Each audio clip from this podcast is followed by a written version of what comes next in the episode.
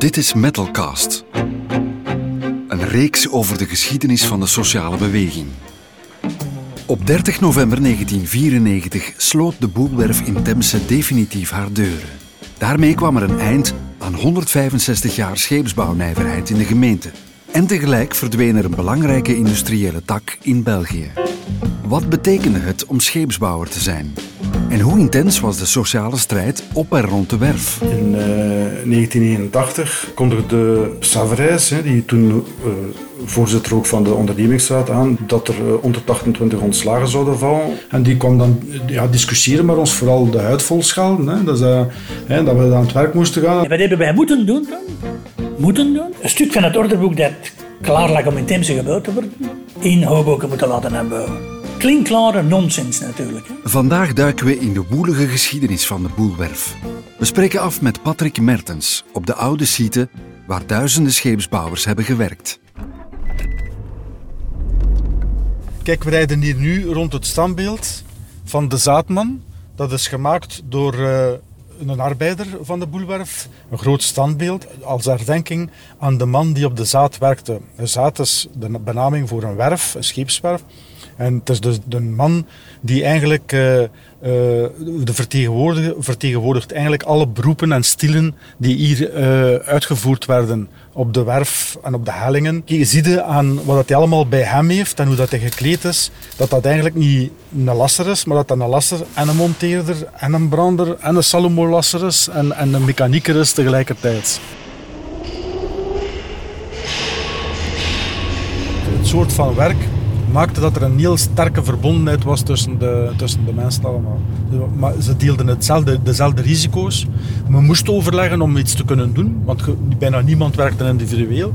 En dat maakte die, uh, die verbondenheid in de scheepsbouw zo sterk.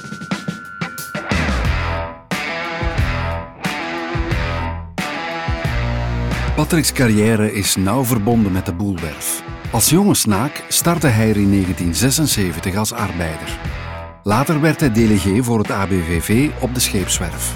En tijdens de twee faillissementen in de jaren 90 was hij als vakbondsmedewerker nauw betrokken bij de strijd tegen de sluiting.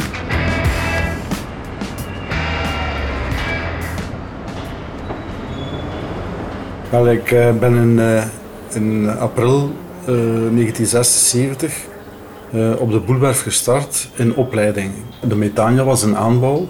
Dat was een een LNG-schip. Het eerste LNG-schip dat, uh, en uh, ook het laatste, tussen haakjes, dat uh, gemaakt is in, in, België.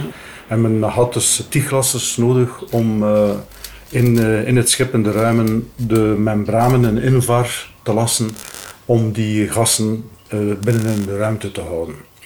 En wij werden geselecteerd uit een grote groep, jonge, bijna allemaal jonge mensen, die, um, die dan uh, een opleiding kregen. Er was nog geen VDAB, maar het was toch al een soort van beroepsopleiding die toen uh, op de Boelberg zelf uh, gebeurde. En die toch meer dan zes maanden geduurd heeft voordat we eigenlijk aan de slag konden op de Metania zelf.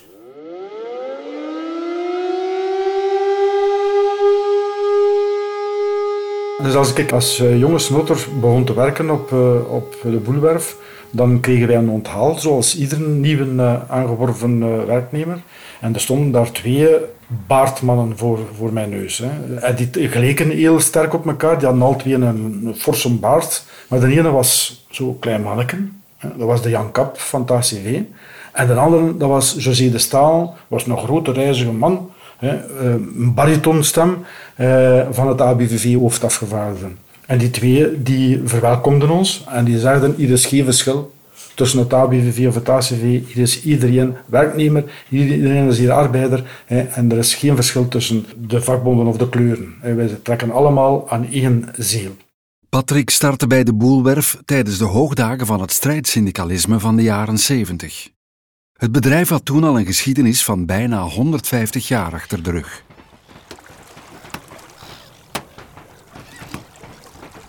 Lieven Muze van erfgoedvereniging Op Stapel zorgt ervoor dat die geschiedenis bewaard blijft. De werf is eigenlijk opgericht door Bernard Boel in 1829. En dat was een scheepstimmerman op Antwerpen-Zuid. Die heeft daar zijn stil geleerd. Is dan um, naar Temse komen wonen en heeft hier een kleine scheepswerf opgericht aan de Kil, een soort inham in de Schelde, hier in het centrum van Temse.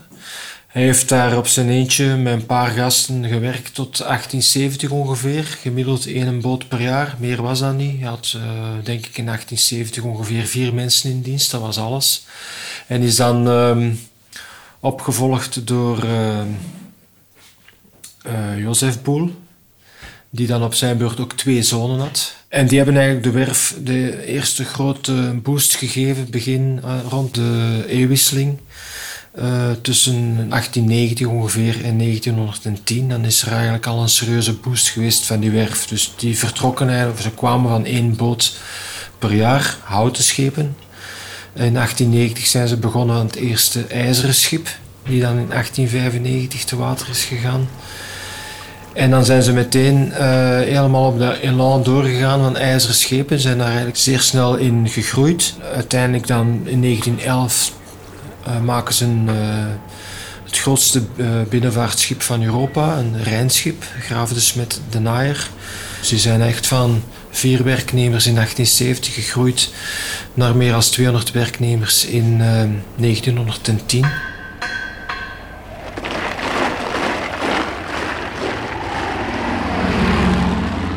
Dan breekt de Eerste Wereldoorlog uit en ligt de werf volledig stil.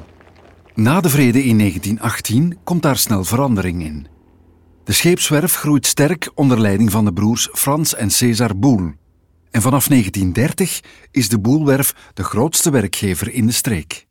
Uh, de jaren 30 blijft het eigenlijk goed gaan en ze gaan ook voor de eerste keer uh, schepen bouwen voor op zee. Kustvaarders dan, niet voor op de volle zee, maar voor aan de kust. Uh, vissersschepen voor Oostende.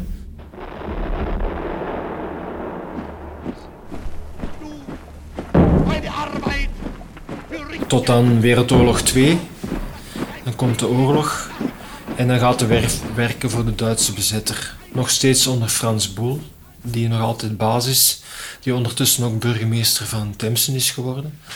Uh, Frans Boel was uh, iemand die wel voor de Duitse bezetter werkte. Maar die maande zijn personeel toch aan om enige terughoudendheid en zich vooral niet te veel te haasten.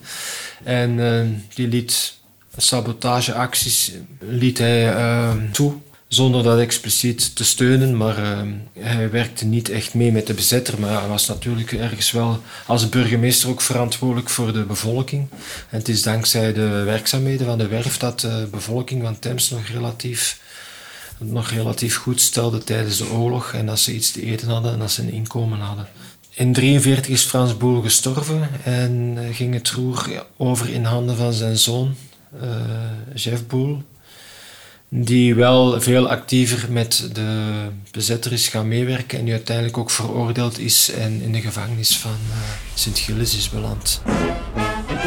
Na de Tweede Wereldoorlog volgt er een bloeiperiode voor de Boelwerf, die ondertussen onder leiding staat van Georges van Damme, de schoonzoon van Frans Boel. In 1948 komt er een wet die een stempel drukt op de geschiedenis van de scheepswerf. Voortaan geeft de Belgische overheid goedkope leningen aan Belgische rederijen die schepen bestellen bij Belgische scheepswerven. Het orderboekje van de Boelwerf staat vol tot diep in de jaren 70. Aan dit schip dat ik mineraal gent doop, wens ik behouden vaart. Zijn bemanning, de rederij en de scheepswerf veel geluk.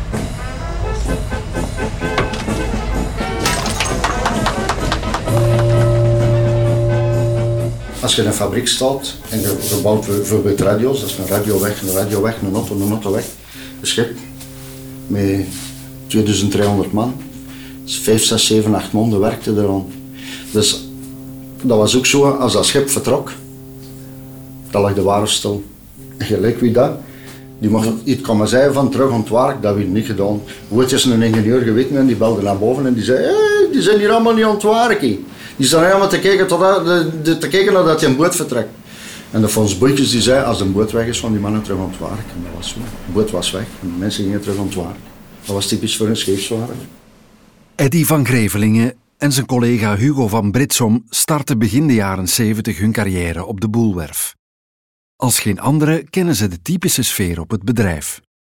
Dus de brigadiersmeester staat een rode overal. De chefs hadden een nieuwe blauwe overal om. Ja, ja. We hadden bij droegen overschot eigenlijk. Ja, Zo was dat ingedeeld. Hè. Dus als je een blauwe overal, een kraaknieuwe, blauwe overal zag, dat was de chef. Dus moest oppassen. En als je een gast, als je, als gast kwam op de werf, dan moest je wel voorzichtig zijn dat ze niet met jou speelden. Dat durven ze wel eens. Dan stuurde ze iemand naar de werf voordat ze zeker van wisten die gewoon verloren lopen. En dan was dat, dat een paar keer een gast. Dan, dan dag weg. Hè. En dan stond je mij eens door, door. Ik ben mijn telefoon aan het kijken en die zei... Zeg mannen van de onderhoud, ik ben mijn weg kwijt. Zeg, ja, wat staat er? Ja, hier aan zo'n grote kraan. Ja, en wat staat er even een aangebaat? Wat staat er op? Boelwerk. Ah, jij staat aan de kakskraan zeker? Ja. Hé, hey, sta ik hier aan de kakskraan? Ja, ja, ik sta hier aan de kakskraan. En niet, want wat er dan naar een 200 tal werd gestuurd. Ja, die mensen wisten zijn weg niet, omdat de waarf zo uh, uitgebreid was. Hè. In de jaren 70 draait de boelwerf op volle toeren. Toch zijn er veel sociale spanningen in het bedrijf. Kort na de indiensttreding van Patrick Mertens breekt er een staking uit. Um, en wij zaten daar dus op die, op die lasschool en er brak een staking uit. Dat was een staking uh, tegen Intergarde. Dat was een, uh, een bewakingsfirma. Die uh, moest erop toezien dat, uh, dat er geen uh, onbevoegde personen bijvoorbeeld op de militaire schepen kwamen die in aanbouw waren. en daar kwam enorm veel reactie op. De mensen wilden niet gecontroleerd worden, wilden niet die pasjes te pas en te onpas laten, laten zien. En daar was een staking uit voortgekomen. Maar dat was een zeer alternatieve staking. Het kwam erop neer dat men elke dag rond 10 uur verzamelen blies uh, waar aan die lasschool. dus ik, uh, ik was al van vroeger wel geïnteresseerd in, in, sociale, sociale dingen en zo. Ik was ook nog heel jong, hè. was, was net twintig. en dat ging gepaard met een soort van strijdtoneel, met acteurs die dan uh, arbeiders waren, die dan uh, sommigen in een, in een gestreepte pyjama speelden, dat ze in een concentratiekamp zaten en dat ze dat niet wilden enzovoort enzovoort. Dus iedere dag was daar vergadering, dus dat maakte al dat mijn, mijn oren, die toch al een beetje in die richting gingen, heel sterk gespitst, gespitst waren. En uh, die staking die, uh, is uiteindelijk tot een uh, 100% succes geraakt. De pasjes zijn dan afgeschaft geworden. Intergarde is verdwenen van, van de boelwerf en er is verder gewerkt. Dat was een succes. Vooral maar eigenlijk het enige sociaal conflict dat ik met succes heb weten eindigen op de boelwerf. Op die tien jaar of bij uitbreiding tot het definitieve einde van de boelwerf in 94, 95 bij het laatste faillissement. Begin jaren 80 drijven er donkere wolken boven de boelwerf. De wereldeconomie is in crisis en de concurrentie van de lage loonlanden wordt voelbaar. Het management onder leiding van Philip Saveris besluit om 128 arbeiders te ontslaan. In uh, 1981 kondigde Saveris, die toen uh, voorzitter ook van de ondernemingsraad aan dat er 128 eh, ontslagen zouden vallen. Of aanvankelijk dat het, het kreupelhout moest, uh, moest opgekuist worden op de werf. Met die bewoording gebeurde dat, dat kwam zeer zwaar aan. Maar 128 ontslagen op 3100 werknemers was eigenlijk weinig. Dus de buitenwereld keek naar ons alsof dat het toch niet zo erg was, 128 ontslagen. Voor ons was dat een zeer principiële keuze. Dat we, toen was er op de boulevard een systeem waarbij dat de mensen uh, die uh, ouder werden, dat die ja, een job konden krijgen in, uh, in een magazijn of in een, in een voorbereiding van een productieproces. En wij zagen dat natuurlijk als een serieuze bedreiging dat men dat zou stopzetten. En toen is de staking eigenlijk begonnen die vijf maanden zou duren. In april is ze begonnen en in september is ze geëindigd zonder resultaat. Hè. Bleek de staking voor niets te zijn. En zijn 128 toch, uh, toch ontslagen. Mijn argumenten zijn dat de scheepsbouw in een zware wereldcrisis leeft. Dat de huidige regering geen middelen meer heeft om de Belgische scheepsbouw te steunen zoals het behoort. Om competitief te zijn tegenover de buitenwereld. En dat daarom in eigen kring bezuinigingsmaatregelen moeten genomen worden.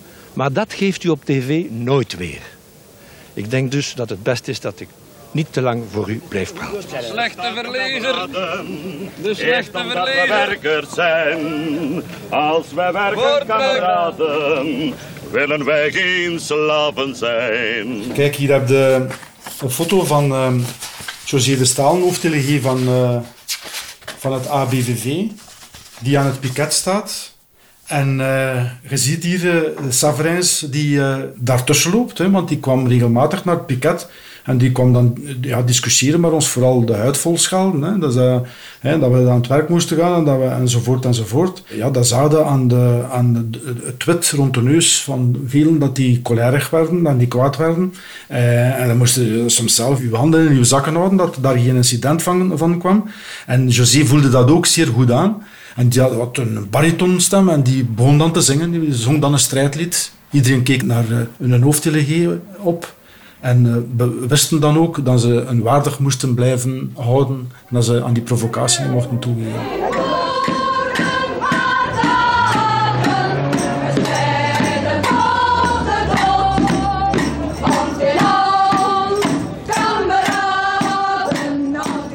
Staking van, uh, van 81 op een bepaald moment uh, probeerde men toch een beetje een beweging te krijgen. En de vrouwen uh, van de stakers en vooral van de militanten, de actieve militanten, die gingen een ondersteuningscomité oprichten. Ondersteuning, dus in het Frans dat soutien.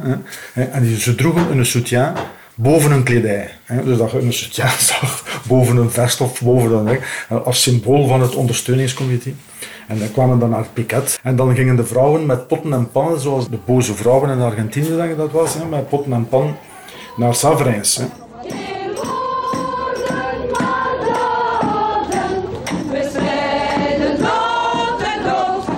Maar Savrins woonde recht over de, de, de tweede hoofdingang van de Boelwerf. Zij gingen hem bezoeken op een, op een avond, uh, gingen ze bellen aan, de, aan, zijn, uh, aan zijn deur. Ja, en uh, kwam opendoen met mevrouw Savrins. En dan uh, probeerde Savrins, uh, die ging nooit, nooit iets uit de weg. Die probeerde dan hen te overtuigen en trok zelfs iemand binnen een huis. Terwijl dat die andere, de rest van die vrouwen daar naar buiten stond. En in dat, in dat manoeuvre had er iemand het gilet van, van vast. En doordat hij binnenging, en al die, al die knopen van dat uh, gilet dat uh, sprongen, sprongen er waar. was weer een, een, zware, een zwaar incident, hè, want dat werd dan uitvergroot, terwijl dat het alleen maar dat was natuurlijk. Maar mensen waren, wij waren allemaal zeer gedisciplineerd. Hè. Dat is, uh, als je dat nu vandaag de dag ziet met, met de hashjes, niemand weet wie dat, wie dat wie is, wat er allemaal gebeurt.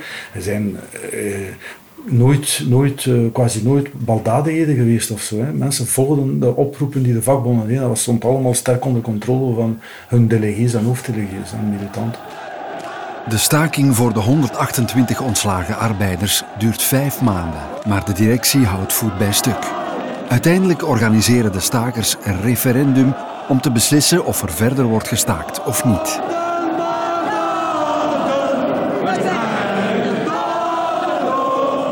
Daar blijven de gemoederen nog altijd verhit over, nu tot de dag van vandaag, tussen degenen die daar actief mee betrokken waren, dat die, um, het rattencomité zijn men toen, de werkwilligen, dat die toegelaten zijn op de stemming.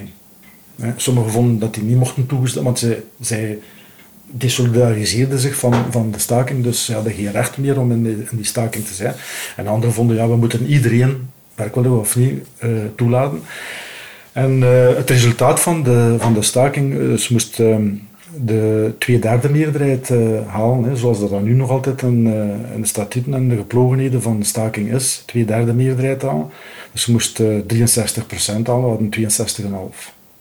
En daar is die staking gestopt. Dat was, dat was onwaarschijnlijk. Hè. Dus dat was, is dat opnieuw geteld, want men geloofde het niet. En dan was die discussie tussen zij die zeiden, ja, maar we die ratten niet mogen meelaten doen, want dat was, dat was uh, 64% geweest waarschijnlijk, hè, of, of 65% geweest misschien, die, uh, die wilden verder doen. Hè. Want na vijf maanden, eerlijk gezegd, 62% half die nog altijd wilden verder staken, dat was wel enorm veel. Hè. En dan is er ook veel pogingen gedaan om toch nog de staking te laten verder zetten. Dan is er, uh, hebben de vakbonden gezegd, statuten zijn statuten, staking is gedaan. Het stakerscomité zet de staking verder. Maar wij weten ook dat de nationale leidingen van de metaalvakbonden daar een andere gedachte over heeft. En dat ze zullen overwegen of dat zij die staking nog verder erkennen. Ja, het einde van de, de staking uh, tegen de afdanking van de 128 collega's uh, zette een hele zware domper op het gemoed van, uh, van de boelarbeiders in het algemeen. Bovendien werd uh, heel, heel het ACV, alle actieve militanten en delegees aan de kant geschoven door het ACV. Dus het was niet alleen een zware domper voor de, voor de boelarbeiders na die staking, die toch fel aan de ribben kleefde. Um, maar ook binnen de vakbond werd het in het ACV ook grote kuis gehouden na die staking. En heel de actieve militantengroep werd aan de kant gezet. Hè. Dus Jan Kap, eh, geen onbekende, zeer een eh, boegbeeld van strijdsyndicalisme in, eh, in, in, in België, werd ook opzij gezet. Ehm, ook binnen het ABVV gebeurden er wel, wel wat erschikkingen. Dan kwam er nog bovenop dat faillissement van, van Cockerill een paar maanden later, begin 82. Dat maakte de domper nog, nog zwaarder. Hè. Dus, iedereen zat toch wel in zak en as toen. De staking van 1981 is voorbij en de economische malaise blijft duren. In Hoboken gaat scheepswerf Cockerill Yards failliet. 3000 mensen dreigen er een job te verliezen. Peter Verstuift onderhandelde toen namens de boelwerf over een mogelijke overname van Cockerill Yards. Begin van de jaren 80, 80, 81 was eigenlijk een, een heel uh, moeilijke periode. Wij hadden nog een beetje van een orderboek dat ons twee, drie jaar verder bracht. Maar Cockrilliards, ja, die viel het op dat ogenblik uh, eigenlijk erdoor. Op dat ogenblik waren wij al op vrijwillige basis met uh, de directie en de aandeelhouders van Cockerill in gesprek. Om te zien of dat we eigenlijk iets gezamenlijk zouden kunnen doen. Maar dat is dus geëindigd op het faillissement van, uh, van Maar wat er toen gebeurd is, is iets dat... dat is een van de dingen, er zijn er meerdere gebeurd, politiek die, die ik nooit eigenlijk goed heb kunnen begrijpen. Uh, economisch gezien dan. Sociaal gezien heb ik er alle begrip voor. Want wat zegde de politiek op dat ogenblik? Ja, maar ja, die werf van Cockerill sluiten en uh, toen 2500 mensen, denk ik, een klein 3000 misschien, uh, moeten laten afvloeien door een faillissement. Dat kunnen we niet maken. En die zeiden tegen, de, de politieke verantwoordelijke zeiden tegen Boelwerf, tegen ons, jullie moeten die overnemen. Niet volledig, maar je gaat minstens uh, een 1200 mensen aanwerven bij Boelwerf. Nu, wij waren op dat ogenblik, we hadden ook al wat afgeslankt. We kwamen ook van 3000, maar we zouden toen aan 2500, denk ik. Dus dat was ook al wat afgevloeid. En we hadden geen werk. We hadden amper werk voor onze eigen mensen. En dus geen discussie. Wij moesten en wij zouden uh, duizend mensen overnemen van de failliete Cockeliard. En dat is dan gebeurd via de NV Scheepswerven die toen opgericht is. En wat hebben wij moeten doen toen? Moeten doen? Een stuk van het orderboek dat klaar lag om in Temse gebouwd te worden, in Hoboken moeten laten herbouwen. Klinkklare nonsens natuurlijk.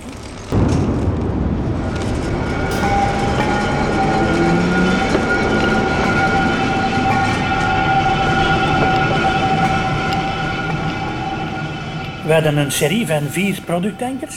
Op, uh, op de eerste, het eerste schip van een reeks is altijd het moeilijkste. Daar betaalde leergeld op. Hè. Maar gerecupereerd op de volgende schepen. Nu moesten wij twee van die schepen in Hoboken laten bouwen. Waar dat dus opnieuw leergeld moest betaald worden door de mensen daar. Dus allez, dat is een fiasco geworden, economisch gezien. Maar we konden niet anders. En de overheid kon ons dat opleggen. Ze konden ons dat opleggen omdat het dreigement was, als jullie daar niet in meegaan in dat verhaal, dan stoppen wij het systeem van de scheepskredieten. De scheepsbouw werd uh, toen, dat, was al, dat systeem bestond al sinds 1948, de befaamde wet van 48, werden de scheepsbouw en de scheepvaart gezamenlijk ondersteund door het toekennen van scheepskredieten aan reders die schepen lieten bouwen op Belgische werven en die die schepen dan lieten varen onder Belgische vlag. De overheid zegde, wij stoppen met het systeem van die scheepskredieten, want Schelle niet meedoen. Dus we hadden gewoon geen keus. In 81, 1981, na die staking, zei men buiten de boelwerf, die mannen van een boel die staken zich kapot. Die zijn zodanig fel dat die de tak aan het afzagen zijn van de boom waar ze zitten. En dat ze eigenlijk hun eigen ondergang aan het, aan het eh, maken zijn. Dat werd ook syndicaal zo een beetje uh, naar voren gebracht tussen Cockerill en, uh, en de Boelwerf. En onze verwondering was zeer groot op de Boelwerf dat in, in het begin van 82 uh, Cockerill failliet verklaard werd. Dat was een waren wel lang problemen natuurlijk, maar die problemen waren ook bij ons van financiering enzovoort enzovoort. Dus dat was eigenlijk een verhaal dat iedereen kende. Maar dat kwam toch uh, op die moment heel, heel zwaar aan. Uiteraard bij de mensen van Cockerill, die een job van de ene dag op de andere verloren. Maar ook, ook bij ons. Hè. Dat was een, een enorm knipperlicht dat aanging.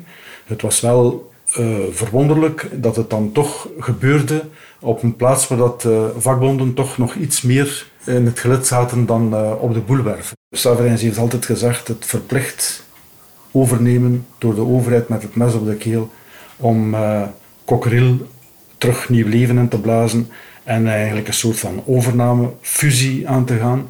Uh, personeel, de werf op, in Hoboken enzovoort werd vanaf 83 boelwerf. Alle mensen waren afgedankt door het faillissement op Cockerill en een eh, gedeelte van het personeel werd terug aangeworven. Waardoor dat, het aantal werknemers dat op de boelwerf werkte eind 83 ver boven het aantal was dat in de beste jaren gewerkt had op boelwerf. En er werden zowel uh, activiteiten ontplooid op de scheepswerven in Hoboken als op de boelwerf. Wat dat ook meebracht dat mensen moesten naar Hoboken gaan werken en omgekeerd mensen van Hoboken natuurlijk de meeste ook naar Temse. Dat bracht ook een mentaliteitswijziging teweeg. Hè. De cultuur, bedrijfscultuur van de scheepsbouwers over heel de wereld lijkt fel op elkaar.